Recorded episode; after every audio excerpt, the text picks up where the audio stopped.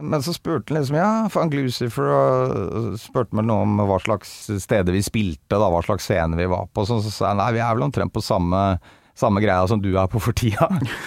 så tenkte jeg liksom etterpå, faen, hvorfor sa jeg det? Å sitte der som en liten dust og være så jævlig cocky, liksom.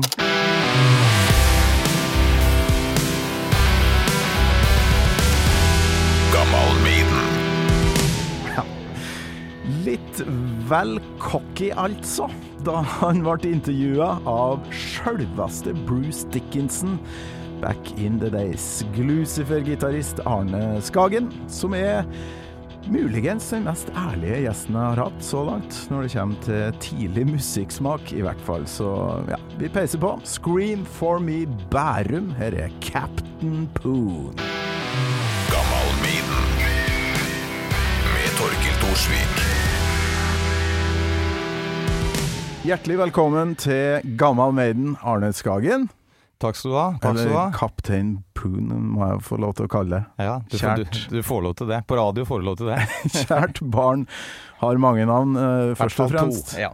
Hvor, uh, hvordan har du det for tida, Arne? Du, det er uh, bra.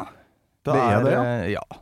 Det er, jo, det er jo kjedelig å snakke om det som alle snakker om hele tida, så det er jo bare Hva skal man si? Verden er en liten down-periode sånn generelt. Men, eh, men man kan jo ikke liksom eh, gå rundt og dyrke det. Nei, men altså Jeg må jo få med i starten her at jeg, jeg kjenner deg ikke, eh, av en eller annen merkelig grunn. Men jeg har sett deg på scenen utrolig mange ganger. Ja. Og rett før det dette helsikes viruset som vi egentlig ikke skal snakke om, kom, da, så fikk jeg jo sett dere på Sentrum Scene. Skrev til og med en eh, konsertanmeldelse av eh, Glucifer. Sekser eh, var nesten tolv på terningen. Ja, det var hyggelig. Tusen takk for det. utrolig opptur. Og så hadde dere planer om å bare peise på videre nå, før eh, det her skjedde? Ja, vi, eller peise på i vårt tempo, da. Og det er jo selvfølgelig når vi ikke eh, på en måte er et band som gir ut ny musikk og drar ut på veiene, så er man jo på en måte velger man litt mer sånn ja, litt mer selektiv på hva man, eh, hva man skal gjøre, da. Men vi hadde jo ganske mange ting på plakaten i 2020 som eh, gikk rett i dass, rett og slett. det er Så, kjipt. eh, Jeg hadde jo en eh, Håper å si jeg hadde en eh, greie som skjedde. Jeg fikk en, eh, en greie i magen, så jeg måtte hasteopereres. Og det var da rett i forkant av den eneste konserten som kunne blitt noe av i 2020. Nei. Så den ble avlyst. Det er første gang vi har avlyst konsert. Og så rett etter det så, så var det jo ikke mulig å gjøre noe mer. Så året ble litt eh, annerledes enn det man hadde tenkt. Ja. Men det er jo ikke Det er vi nok ikke alene om. Nei, absolutt ikke. Nei. Men det går bra, eller med helsa nå? Ja, det går, det går greit. Du ser eh, overraskende bra ut uh, i, i virkeligheten og uten scenelys. Uh, hvordan holder jeg så godt? Hadde nettopp Petter det- Baarli innom og måtte spørre om det samme. Altså, hvordan eh, hold, Nei, jeg veit ikke om det er den, uh, er den musikkbiten ja, som er, har en sånn liten eh, Har en sånn liten hemmelig X-faktor et eller annet sted. At man bare nekter å Nekter å bli ordentlig gammel. rett og slett. Får håpe det er noe sånt, i hvert fall. Da kan det vare litt til, i hvert fall. Du, jeg så egentlig ikke det kom, at du var gammel Maiden-fan, men eh, det har jeg hørt rykter om. Ja, eh, det var vel, holdt på å si som sikkert ganske mange andre kids på 80-tallet som vokste opp med, med hardrock, så var jo eh, Maiden eh, i hvert fall noe av det første jeg kom borti. Og det var sånn, jeg, jeg mener at eh, de som på en måte skryter av at jeg har vært Kiss-fan siden jeg var fem og sånn, den, den tror jeg ikke helt på. Jeg kjøpte også min første Kiss-skive da jeg var fem. Men etter det så var jeg jo blodfan av Duran Duran, og jeg hørte jo på masse listepop og alt mulig drit i, liksom, i barneårene. Men når, når man begynner liksom å helle litt over mot ungdom, da, så begynner man å interessere seg for ting, da. Og da begynte jeg å interessere meg for, uh, for hardrock, og da var jo Maiden Det var vel omtrent da de kom ut med 'Somewhere in Time'. Ok. Eh, og da var liksom eh, Når man da hørte 'Wasted Years' og så eh, musikkvideoen, liksom, så var det ikke så veldig mye å spørre om. Nei, altså, for der er det sånn potpurri av Eddie-bilder, ikke sant. Og Ed, Mhm. Eddie har jo sin slagkraft ved første øyeblikk der. Absolutt. Hvordan alder snakker vi da? 86? Eh, da snakker vi om eh, 11-12 år. Eh, og da um, Min inngang til hardrock, det var når Europe kom med Final Countdown.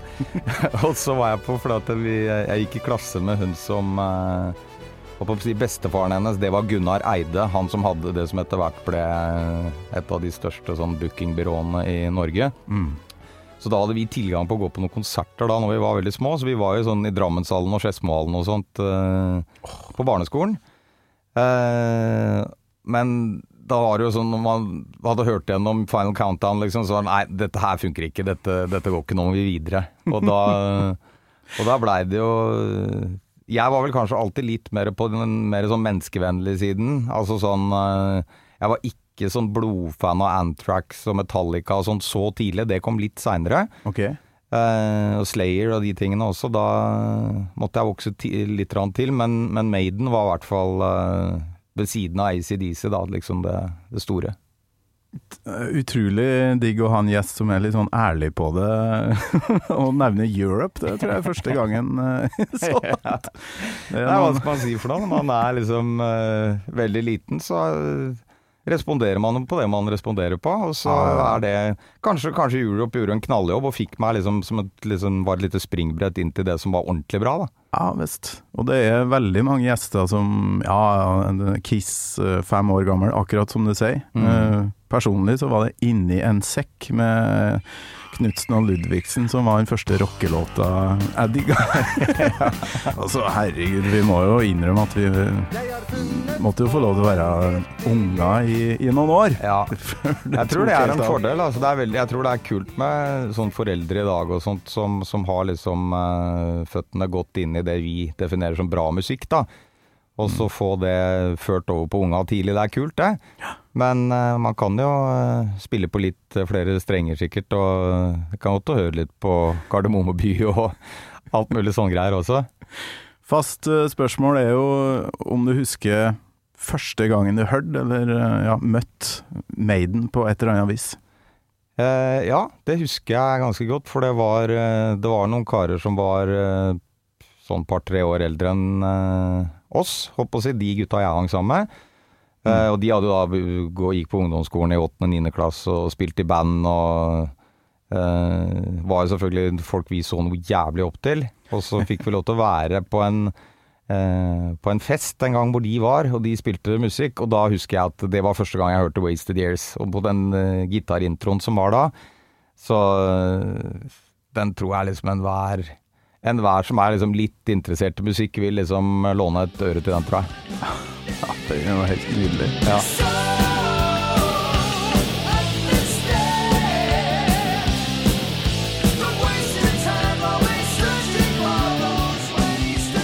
Og da eh, kjører jeg bare på videre, for det er jo bestandig spennende. Og, og da få høre hvilken låt du har uh, tenkt deg å snakke mest om da, i episoden. Ja. Eh, det er vel ikke noe hemmelighet at eh, jeg ikke er den første gjesten i Gammal Maiden, så jeg har jo ikke liksom fått velge sånn helt fritt fra øverste hylle. Men jeg så jo at eh, 'Stranger in a Strange Land' ikke var tatt. Ah, Og, og det var da den jeg valgte. Men jeg, jeg gikk gjennom Jeg har, har hørt en del på Maiden det siste, det siste året. Det er sånn det kommer litt i, i perioder, det greiene der. De tinga man vokste opp med. At du Det sitter liksom i DNA-et, så du kan ta en lang pause, og så kommer det tilbake, og så husker du jo stort sett alle tekster og hvert lille parti og sånt allikevel. Uh, allikevel. Eh, men jeg merka jo også at når jeg liksom gikk en ordentlig runde med Maiden igjen, og så er det det stopper liksom litt på et tidspunkt. Jeg har ikke uh, jeg har ikke klart å ta inn så veldig mye av det som har kommet etter at Bruce Dickinson ble med igjen, liksom, bortsett fra noen få låter. Okay. ok. Eh, men å sette meg ned og liksom fordype meg i albumene nå på samme måte som jeg gjorde som, eh, som veldig ung ungdom og nyerverva hardrock-fan, det, det har jeg ikke fått til. Jeg har ikke fått det samme fenget, liksom. 'Stranger in a Strange Land'. Vi må ha en liten recap med introen her.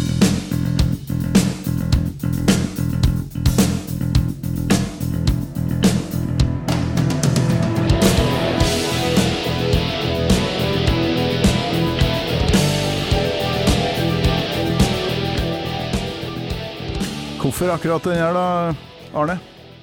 Uh, Ganske Nei. utypisk Maiden-intro og låt, egentlig. ja, sånn, den er litt sånn sløy. Den har litt sånn sløyt bassgroove. Det er ikke så mye galoppering og heftige trommeoverganger og sånne ting, men eh, jeg vet ikke. Jeg syns det er sånn ganske digg låt å sette på, bare litt sånn ganske høyt, og så sette seg litt tilbake. Mm. Og så, og så er det jo litt sånn Det er vel Agent Smith som har skrevet den låta her. Um, at den er jo Den representerer jo liksom litt den siden Den liksom episke siden av Maiden. Selv om når jeg begynte å høre på Maiden, så hadde de jo ikke kommet med Uh, De hadde kommet med en del skiver da også, men det var jo veldig aktuelt å gå tilbake til de første skivene. De to med Paul Diano, som er mye røffere og, eh, og på en måte tøffere også. Så det sto liksom for meg nå mellom uh, 'Murders in the Rue Morgue' og, og 'Stranger in a Strange Land'. Og så så jeg vel eller Det var vel noen som hadde valgt 'Murders in the Rue Morgue' fra før, så da måtte jeg Ronny Letekkerød. Det er mye gitarister innom her. Jeg vet Ja, det ikke om det hva som er greia med det, men ja, det er jo litt eh, forskjell fra dak daga dak daga dak til det her, da.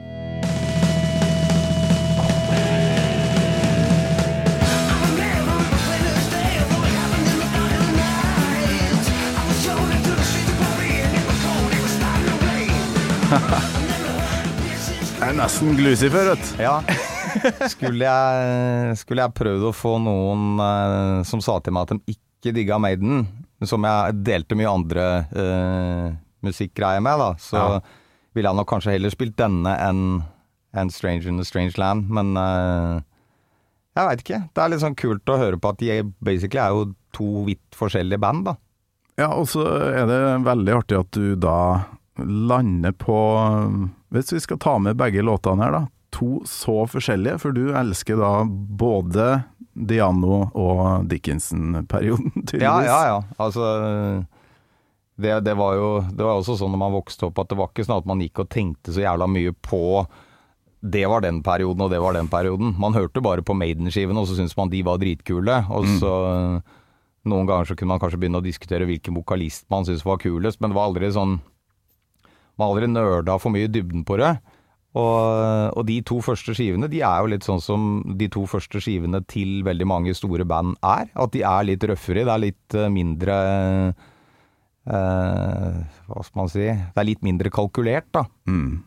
Eh, Det er liksom før man har fått kasta penger etter seg og, og fått en produsent som kanskje har en plan. ja, ja, nettopp. Eller før man har begynt å lage en plan sjæl også. Det er liksom bare Man bare kaster seg på og gir full gass. Det, og det hører man på de to første skivene. Det er noen jævla kule låter her. Ja, det er helt vilt. Det var vel nylig 40 år siden Killers kom òg.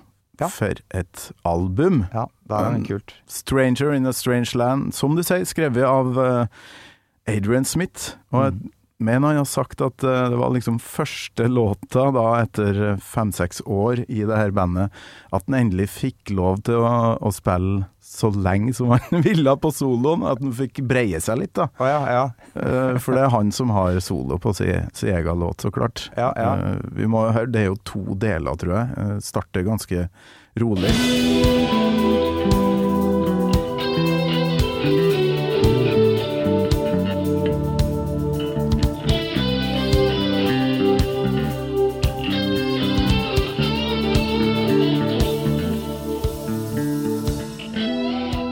Det her er jo favorittpartiet mitt i hele låta.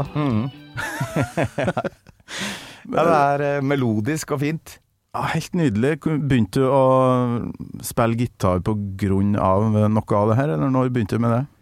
Jeg begynte vel å spille gitar eh, cirka på den samme tida som jeg hørte dette her. Jeg så faktisk eh, for ikke så mange år siden et liveopptak fra da jeg gikk i sjette klasse på barneskolen. Hvor jeg og to kompiser spilte da på en sånn skoleavslutning, og vi spilte da 'Running Free' var en av låtene vi spilte. Eh, Kult. Og det er selvfølgelig noe av det absolutt verste jeg har hørt, men det betyr jo da sikkert at Maiden var en ganske viktig, eh, viktig kilde til det å få lyst til å begynne å spille, da. Mm. Nei, det, det er utrolig mange gjester hatt her som, eh, som starta med, med et eller annet instrument. Mye Ja. på grunn av Maiden. Og Maiden er jo Jeg har jo aldri vært en sånn superteknisk gitarist. Jeg har aldri sittet sånn veldig mye og eh, plugga Metallica-riff eller soloer eller Maiden-riff og soloer, på en måte. Jeg lærte egentlig Det eneste jeg brukte en del, det var ACDC. Det brukte jeg veldig mye sånn helt til starten, og sånne kassetter med sånn derre Hvor Angus lærte deg å spille riffene og sånne ting. Men ellers så, ellers så begynte jeg veldig veldig tidlig egentlig å lage låter sjøl. Eh, og det har nok gjort at jeg ikke har blitt en sånn supergod gitarist. Altså jeg er ganske sånn ok på meloditeft og finne på ting og sånn, men, men hvis noen skal liksom dytte meg inn i en setting hvor du skal stå og liksom jamme eh, et knippe Maiden-låter, da tror jeg jeg måtte satt meg ned og øvd ganske mye for å få det helt inn, altså. Jeg kom på jobb i morges og tenkte eh, faen, må høye litt på noe Glucifer og kanskje noe Bloodlights òg, det andre bandet som kanskje ligger litt brakk om dagen, eller? Ja, det la vi vel litt på La vi vel egentlig litt på hylla. Så mm. Jeg begynte å tenke meg om da, er det noe fra Glucifer-katalogen som kan liksom Ja, her har du Her har du, Arne, eh, tenkt på Maiden. Jeg, det her er vel kanskje det første som dukka opp for min del, da.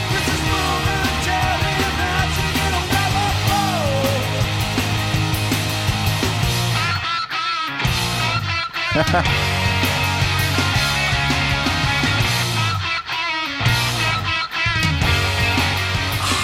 er så rått, og det er tilløp til tvillinggitar her, og da tenker jeg Made med en gang. Ja, men det er bare tilløp, da.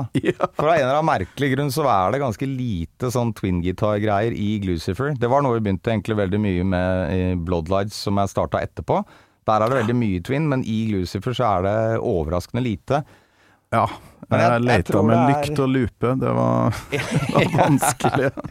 Jeg, jeg tror faktisk at eh, Hva skal man si? Jeg, jeg skal ikke si at jeg skylder Maiden en unnskyldning, men jeg gjør jo det på en måte litt allikevel. For at eh, etter at jeg var liksom så jævlig tett inni hardrock-tinga og sånt, så, så på et eller annet tidspunkt så ble jeg litt for kul for den musikken. Ikke sant? Altså sånn på tidlig 90-tall og sånn, ikke sant, og liksom vanka på Blitz og begynte å høre på hardcore-ting, og så ble det mer og mer punk-greier. Eh, og man ble liksom veldig mye mer inne i det sporet som egentlig var et veldig sånn opprør mot eh, mye av heavyrocken og eh, heavy metalen, da. Eh, og da blei man liksom prega av det sjæl også, at da var plutselig ikke det kult. Så, så jeg gikk sikkert ikke og ropte ut til alle jeg kjente når jeg var litt sånn usikker fyr på 17-18-19 år at jeg var uh, innbitt Maiden-fan, men det var liksom ikke noe uh, Det var liksom ikke med på greia, da. Og så husker jeg til og med vi gjorde uh, Når vi ga ut andreskiva med Glucifer, da begynte vi å få en del oppmerksomhet nedover i Europa og sånt, så vi blei uh, intervjua av Bruce Dickinson. Det har jeg sett. Sett på et tak, gjør dere ikke det? Jo, vi sitter, vi sitter på et tak. Og da husker jeg liksom at eh, da var jo Maiden for det første inne i en ganske døll periode. Eh, med han Det var vel han Blaze Bailey som sang da, og så var det vel noe sologreier til Bruce Dickinson som heller ikke var sånn helt sinnssykt rått. Eh, og så var, men han var en jævla kul fyr. Ja, Men, det- men, eh, men så spurte han liksom Ja, faen Glucifer, og spurte meg noe om hva slags hva slags steder vi spilte, da, hva slags scene vi var på. Så, så sa jeg nei, vi er vel omtrent på samme, samme greia som du er på for tida. så tenkte jeg liksom etterpå, faen, hvorfor sa jeg det? Å sitte der som en liten dust og være så jævlig cocky, liksom. Men uh, i stedet så burde jeg jo egentlig bare vært superydmyk og takknemlig for å bli intervjua av en av mine barndoms store helter. Men eh, Faen, å få møte han eh, Ja, ja, ja. er jo sjukt eh, stort uansett. Det er jo det, ikke sant? Så den, den wa- wasta jeg. Altså min, min mulighet til å bli litt eh, kompis med Bruce Bruce Dickinson, den, den ble i hvert fall lagt på, på langt vent. Now we're going to have a peek at Glucifer and we're going to look at their new video, find out what they are all about.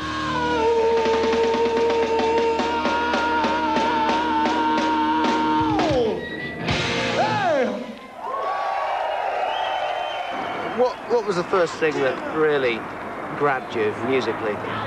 One of the first, mine Way, it was way like back. maybe Iron Maiden was one of the first actually. I went to my one of my first concert when uh, concerts when I was like 12 years old. I guess that was first Men it was Iron Maiden. seriøst, hvordan, eh, Hvordan reagerte han på det her? Nei, han tok vel sikkert det helt kult, han liksom. Men jeg bare tenkte at det var så Jeg bare tenkte liksom etter det at så, så dust jeg var.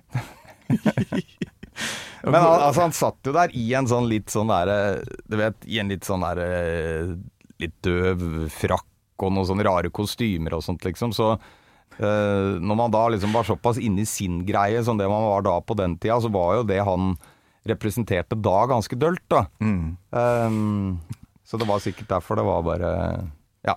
Åh, ser det før meg. Åh, Arne Skagen, eh, sulten. Du er Sulten 22-åring som Ja, eh, Scandi-rock, garasjerock er på vei opp, og Ja. det er svært. Og Bruce Dickinson sitter med rare klær Ja. og intervjuer deg. Hva, hva slags program var det? Altså, hvordan uh... Nei, det var, et, det var en sånn tysk, uh, tysk uh, musikkanal som het Viva. Og de hadde en periode ganske sånn fokus på litt hva som skjedde i undergrunnen og sånn. Den ene siden var sånn hyperkommers, som Tyskland er liksom omtrent drøyest og verst på i verden ved siden av USA. Og så har de da ofte noen sånne små sideelver, da. Og da var det programmet vi ble intervjua på, de liksom var ganske sånn tungt inne på tidlige Turbo, Glucifer, Helicopters, Backyard Babies, de tingene der. Det er helt utrolig. Hadde, det var kult at du tok det opp, for jeg hadde helt glemt at jeg har sett et intervju med Glucifer gjort av Bruce Dickinson. Han hadde mye rare greier på gang på den tida der. Ja. Reist rundt med, med soloprosjektet sitt og Ja, jeg er enig med deg. Det, det er ikke det største Bruce Dickinson har, har Nei. gjort. Og det er jo litt sånn fascinerende på mange måter, da, når man så liksom på når, når Maiden ble gjenforent med Bruce Dickinson og sånn, hvor utrolig mye eh, det har å si at det er de og de folka sammen. Navnet kan bestå, øh, håper å si personene hver for seg, liksom, alt mulig, men, men det blir liksom Det virker som alltid blir, alt blir bare revet vekk i det øyeblikket de øh, går liksom litt hvert i sitt, da. Så jeg tror vel at hvis du gikk og så Maiden midt på 90-tallet i Oslo, så var det vel fort at de spilte for et øh, delvis øh, utsolgt Rockefeller, og ikke i nærheten av det de gjorde før og etter, da. Ja, det var visst ikke helt fullt på Sentrum Scene, nei. Uh, Nei, på Virtual X-turneen eller et eller annet sånt. Ja, Ja.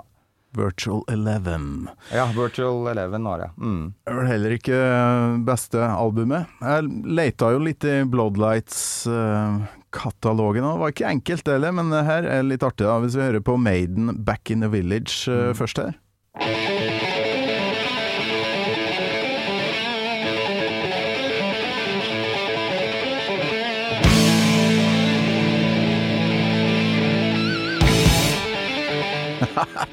Faen for en intro. Og så kommer eh, Bloodlights med Lights Out. Ikke helt likt, da.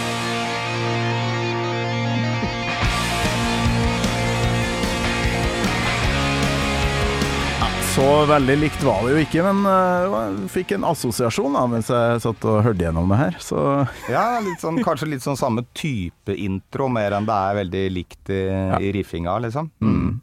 Så du Ja. Det, det veller ikke over av Maiden-referanser her, men eh, Satt du liksom og plukka Adrian Smith-sola når du var liten, eller er liksom rytme Var du litt mer på rytmebagen i starten? Jeg, var, jeg var vel i hvert fall mer på å ikke være sånn her veldig eh, Veldig eh, sånn inni de tekniske tinga, da. Yngve Malmsten? Adrian Liksom. Smith er jo litt, eh, litt mindre superteknisk enn Dave Murray, for eksempel, men men, eh, men jeg satt liksom veldig lite ned med de bandene jeg digga og skulle plukke så veldig mye, da.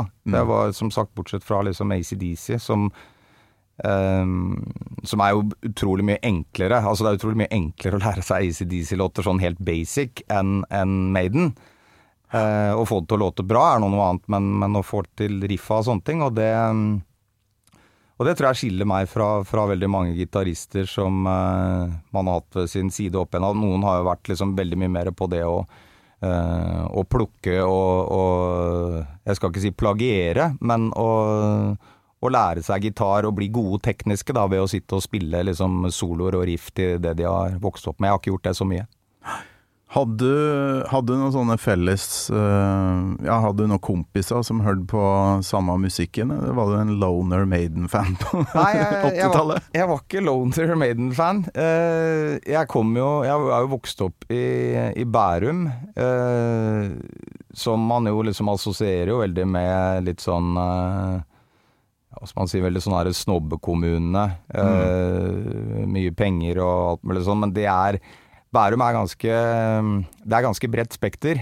Eh, på skolen vi gikk på, på ungdomsskolen og sånn, så var det selvfølgelig noen som bodde i store eneboliger med basseng, men det var ikke så veldig mange av dem. Eh, stort sett så var det ganske nøkterne forhold, liksom, og vi fikk jo eh, overraskende tidlig liksom bli introdusert for, eh, for hardrocken. Så vi eh, vi gikk jo rundt med ryggmerkene våre fra vi var sånn 13-14 og oppover, vi. Og, og det var det som var liksom Det var det som var musikk for oss. Uh, jeg veit ikke, det var uh, liksom akkurat hvor det kom fra. Sånn som i dag, så er det så vanskelig å skjønne hvis du ser en eller annen kid på eh, på 12-13 år, ikke sant? hvor er du har oppdaga den bra musikken din fra? Det er jo tusen forskjellige kanaler å, eh, å få det inn, uh, hvis man er litt sånn observant, men veldig ofte kommer det fra foreldra, da. Men vi hadde liksom ikke foreldre, altså den generasjonen min, så er det sånn den derre alderskløfta mellom eh, oss og opp til foreldrene er ofte ganske stor. Mm. så det å gå liksom og hente inspirasjon i platehylla til mor og far, det var liksom ikke så vanlig, men vi, vi fikk nå tilgang på det på et eller annet vis. Jeg vet ikke, hvis fattern har vært Maiden-fan, om jeg hadde gidda å høre på det. Altså, for eh, det var jo en del av eh, hele greia med å være ungdom òg, å høre på noe som ingen, eh, ja i hvert fall ikke foreldrene dine, gidda å høre på. Nei, Få det av! Slå av med en gang! Ja, jeg, jeg tror du har helt rett i det. Men Bærum, ja. Jeg driver og leser en bok som heter 'Da He-Man kom til Norge', om 80-tallet. Og det forfatteren der er fra mm, Kanskje ikke Bærum, eh, i nærheten i hvert fall. Oslo vest. Um, hans beskrivelser er veldig sånn eh, at det var stor forskjell mellom eh, hvor rik folk var i Oslo vest på den tida. Noen hadde alt av He-Man-figurer og alt det der, mens andre da ikke hadde råd til, en, eh, til noen ting. Altså, Nei, nei. Gikk du bare og handla alt av Maiden når du oppdaga det, eller måtte du vente du òg, sånn som Sånn som meg, da, som var lutfattig. Nei, jeg, jeg måtte nok vente. Jeg hadde Jeg fikk jo ukepenger eh, for å støvsuge og liksom gjøre sånne eh, Sånne litt kjedelige oppgaver hjemme. Og det var vel de, de penga der man hadde liksom å rutte med i starten til å kjøpe Til å kjøpe skiver og sånt, da. Mm. Så Men det er klart, det er jo også sånn eh, en ekstrem sånn der motvekt til sånn som ting er nå, da. At du, du hadde kanskje eh, Hvis du hadde hørt på musikk en stund, så hadde du kanskje 20-30 album, da. Mm. Og de gikk jo på repeat, ikke sant. Og det var det du hadde tilgjengelig, og det var det du, du var vant til, og det var det du syntes var greit. Og det betyr jo også at man får jo eh, en litt sånn tettere relasjon til de eh, til de banda og artistene man uh, stifta bekjentskap med så tidlig, da. For det er ikke bare sånn å sitte og bytte ut og bytte ut og bytte ut hele tiden. Mm. jeg er jo en litt sånn utålmodig type av natur, egentlig. Så hvis jeg hadde blitt introdusert for Maiden nå, så er det ikke sikkert at jeg hadde klart å Uh, å høre hele Alexander the Great og kunne hvert eneste ord i teksten. uh, men, eh, men som sagt, det var det man hadde tilgjengelig da, og det er jo egentlig en jævla mye kulere måte å, å høre på og bli interessert i musikk på. da. At du får lov til å gi det nok tid til at det kan eh, sette seg litt, og det tror jeg er mye av grunnen til at eh, håper å si, Du jobber for Radio Rock, ikke sant? og det er jo en, på en måte en kommersiell radiokanal som spiller eh, kommersiell musikk. Men det er ikke kommersielt i forhold til kommersiell musikk. og det er litt fordi at jeg tror at folk ofte ekskluderer den musikken, for at du må bruke litt mer tid på, uh, på å sette deg inn i det og like det. da. Nå kom jeg på et uh, veldig viktig spørsmål her, som jeg skal stille etter at vi har hørt på det her.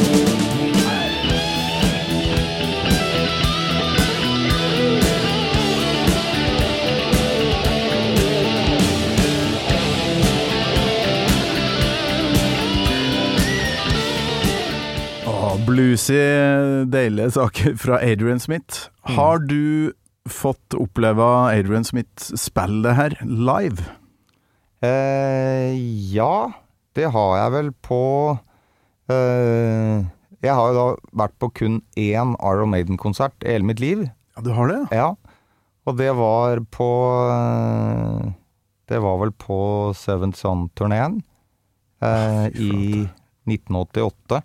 Og da, da husker jeg, da hadde vi på en måte, i hvert fall min gjeng, da, da hadde vi hørt liksom Vi hadde hørt oss litt sånn ferdig på Maiden. Ikke, altså ikke sånn Men du vet, hvis du hadde hørt på dette her liksom hver dag, da, ikke sant, i et par-tre år, eller hva det har vært, liksom, og så, og så hadde man liksom kanskje begynt å oppdage litt andre ting og digge litt andre greier, da. Ja. Så et av de tingene som trakk oss jævlig til den konserten i Drammenshallen, det var at Backstreet Girls skulle spille support for Aron Maiden. For vi var jo altfor små til å kunne se Backstreet Girls på noen scener i Oslo og sånt, ikke sant. For de Men du har hørt jo om det, liksom? ja, ja, ja. For de hadde jo vært med på noen TV-programmer på NRK og sånn, og det syns vi var altså så beintøft, da. Så, så det å få liksom bare det, det er ikke sikkert at det var verdens beste Backstreet Girls-konsert, altså det aner jeg ikke, men i hvert fall jævlig stort, da. Å få, å få sett dem også i, i, samme, i samme åndedrag.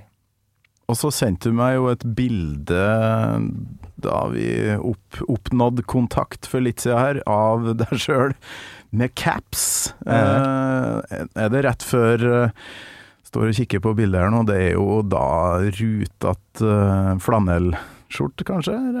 Er er det ACDC-T-skjorte du har innafor her? Ja, ACDC-T-skjorte innafor, og så et påsydd litt sånn dårlig Iron Maiden på den eh, skjorta. Og så er vel sånn der lite sånn pannebånd-skjerf der som jeg står og vifter med, så det er vel fra Det er vel etter konsertene der, da, tror jeg. Ja, det ok, er kjøpt det, der på konserten. Det er sånn uh, Karate Kid-aktig pannebånd, ja. Ja, det var litt sånn snål merch de dreiv med på den tida. Alle band hadde det der greiene der som en sånn krysning mellom skjerf, pannebånd, slips Ja, whatever. Det er litt vanskelig å si hva det er for noe. Så litt sånn pannelugg og, og capsen sånn eh, på snei. Ja, ja. Eh, Ja, da, da har jeg vært på Maiden og, Backstreet Girls-konsert. Inn på kjøkkenet til mor og far etterpå. Hva som var størst, da? Var det Backstreet eller Maiden liksom den kvelden? Eh, jeg veit ikke helt. Jeg, jeg husker jo på en måte Jeg husker jo begge deler. Jeg husker jo å se liksom eh, Petter Baarli sprette rundt der, og, og Bjørn Müller som var, var det, den høyeste mannen som vi noensinne hadde sett. Jeg var vel selv kanskje sånn 1,30 på den tida. Han rager jo da over to meter. Så det var eh, Nei, jeg husker det. Det var sånn eh, Sikkert en av de tingene som, som, som gjorde meg veldig, veldig opptatt av rock, og på en måte har vært vært det siden, da. Og det var kult med Backstreet Girls også, at det, det var ikke så veldig mye vi syntes var kult fra, fra Norge på den tida. Vi gikk ikke og var råhekta på De Lillos, liksom, men Backstreet, det var, det var tøft. Ja, men også eh, De fikk ikke spille så veldig lenge, har jeg hørt rykter om. Uh, Spilt Skulle egentlig holdt på i halvtime, men ble kasta av scenen. De dro ut pluggen, da, har eh, Petter Baarli sagt. Eller, eller så kan det være Petter Baarli som tynte tiden litt langt selv uten å merke det. Han har vel sikkert gjort det noen ganger i sitt liv òg. Jeg glemte at nå skulle du egentlig vært av scenen for et kvarter siden, og så står han og lirer av seg. Og det funker ikke med sånne band som Maiden. Nei da. Rimelig strikt på det. Ja. Du har ikke hatt lyst til å, å se dem nå i ettertid, da, for de har jo hatt en del sånne retro-turneer på 2000-tallet. Jo, jo, jo. Mange, mange ganger. Jeg har til og med hatt billett til to av konsertene, og så har det krasja med noe annet, så jeg har måttet bare drite i det. Eh, og sist jeg hadde muligheten til å se det, det var Vi spilte på Hellfest i, i Frankrike med Glucifer for uh, to år siden eller noe sånt, litt over det. Og så Da spilte Maiden uh, like etter oss. Men det er litt sånn rart når man spiller på festivaler og sånn, så blir man Man kan glede seg skikkelig til en del av de andre tingene som skal skje. Og så blir man bare jævlig sånn giddalaus og veldig sånn inne i sin egen litt sånn der boble og bare fokusere på det man skal gjøre sjæl. Så da eh, Så da missa jeg den, eh, den også. Så det var da eh, Jeg vet ikke hvor mange ganger jeg på litt sånn rart vis har klart å misse Maiden. I mange år så var det veldig frivillig at jeg missa dem. De siste liksom eh, 10-15 årene så har det vært mer ufrivillig. Så jeg håper jeg får, eh, får tatt igjen det ved Ja, om ikke så altfor lenge. Jeg må nesten få vite Som du kanskje skjønner, så er jeg ganske glad i Glucifer. Eh, Når vi får Når vi er ferdig med The Virus That Shall Not Be Named, eh, hva, hva skjer da, tror du? Kommer dere eh, tilbake igjen? Ja, altså jeg håper jo ikke at eh, At dette tar så lang tid at man blir så gammel at man ikke kan uh, gjøre dette her. altså, rock er vel på en måte den uh, største liksom eh, fienden til, eh, til en sånn pandemigreie, da. For at det handler jo kun om å trøkke så mange folk som mulig tett inntil hverandre for å få den, eh, den kule energien som det er på en rockekonsert, da. Eh, og det er klart, det, det vil jo sikkert være en god periode hvor man må gjøre ganske sånn half-ass varianter av det, og da er det ikke sikkert at vi gidder å være så veldig mye med på det. Nei. Jeg tror ikke vi gidder å dra på den turneen hvor du må spille for eh, 250 stykker istedenfor 1500 stykker, liksom, for at man skal liksom få lov, da. Mm. for vi, for vi har jo en eh, hvis man sier, Vi har jo hatt det privilegiet at i alle de årene vi var borte, så har jo eh, fanbasen egentlig bare vokst. Eh, og, og vi har jo masse folk som, eh, som har lyst til å se oss i mange av de byene som vi ikke har vært ennå. Men hvis ikke vi får lov til å gjøre det på den ordentlige måten, så, så dropper vi det. Så det er, det er mye kjipere for de banda som på en måte gir ut skiver og, og, og har dette som en sånn, eh, en sånn 100 greie, da, og som må da finne alle de der dølle eh, alternative løsningene på å få lov til å gjøre greia si, liksom. Så eh, vi får håpe at det, det er, Dette handler bare om én ting, og det er vaksine, vaksine. Det er ikke noe annet enn det. Så hvis de, noen av dere som er skeptiske til å ta den vaksinen, da sier jeg fuck you. Ja, men der tror jeg vi skal være enige ganske så mange. Da. De, de stikker seg jo ut, de som eh, er glad i å være imot alt mulig rart. Ja, ja, ja. Eh, Vi har noen sosiale medier som plutselig har synliggjort ganske mye eh, sånne ting. Um, 'Stranger in a Strange Land' er ei spesiell låt av en annen ting òg. Kan du tenke deg, når vi nå skal høre slutten på den, hva det er for noe? Det er så klart Faden her på der.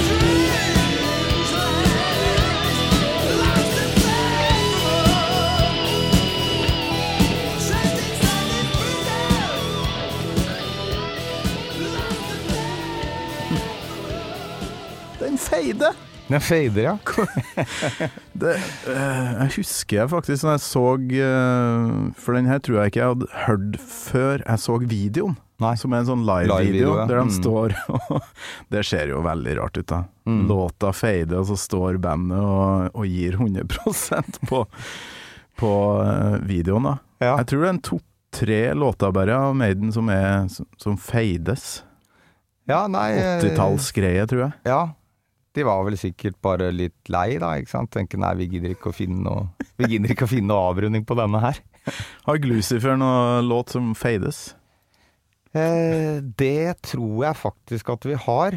Eh, Jeg kan ikke komme på det i farta, jeg bare kan huske at vi har vært innom den tematikken noen ganger, liksom. Og så hva skal vi gjøre? Nei, vi kan jo fade den. Er det er jævlig slapt. Skal vi fade låta? Ja, jeg tror Ja, vi, bare fade, vi kan bare fade den. Mm. Ja, Nei, for- ja. Når jeg tenker Lucifer, så tenker jeg uh, Dow! Og så Ja. er låta ferdig. Dow! Det er jo sånn det må være. Kan uh, med hel AC/DC. være litt, uh, litt mer uh, presise der, ja. Fading er ganske døvt, altså. Jeg skal, skal, skal innrømme det. Arne Skagen, Captain Poon, det har vært utrolig hyggelig. Ja, i like måte. Hva skal du nå, da? Du, nå skal Ut i jeg vinteren? eh, Ut i Ja, ut i vinteren. ja, jeg ikke, det, altså, agendaen er ikke, den er ikke stram, altså. Det er den ikke. Jeg ser jo for meg at du spiller i Glucifer, og så er det det. Ja, altså Nå sitter du bare og spiller PlayStation. eh. Nei, ikke det. Altså, jeg har faen meg starta et uh, pizza slash restaurant slash bar. Eh, Skrenten! ja. Den har jeg jo hørt om. Ja, ja, ja. Det var en som sa i morges da han hørte ah, Captain Poon på besøk. Må nevne Skrenten. Jævlig bra pizza. Ja, det er ikke Jeg skal ikke skryte på meg alt som har med kvaliteten på den, men det er i hvert fall jeg og en kompis av meg som eier den sjappa. Så det har egentlig vært jævla kult å kunne holde på med i eh, den litt eh, døve tida her, og bare få et eller annet nytt eh, prosjekt opp og, opp og stå, da. Så eh, der, Det- dit, dit går Glucifer-pengene. De er investert i, i sted. Jeg må bare si gratulerer, du har valgt eh, musiker og restaurantbransjen. Perfekt i den tida vi lever i nå. Ja, ja det, det er lurt. Jeg alltid, Follow your heart. Yes, alltid taktisk. Takk for besøket, Arne Skagen. Takk skal du ha. Gammal Maiden med Torkel Thorsvik. En podkast fra Radio Rock.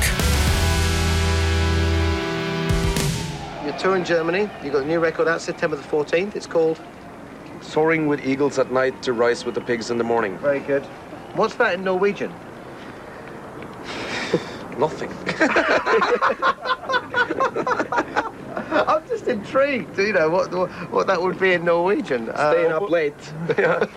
Jeg går på fylla med ørnene på kvelden og kommer deg til helvete opp med grisen om morgenen og sånt. noe.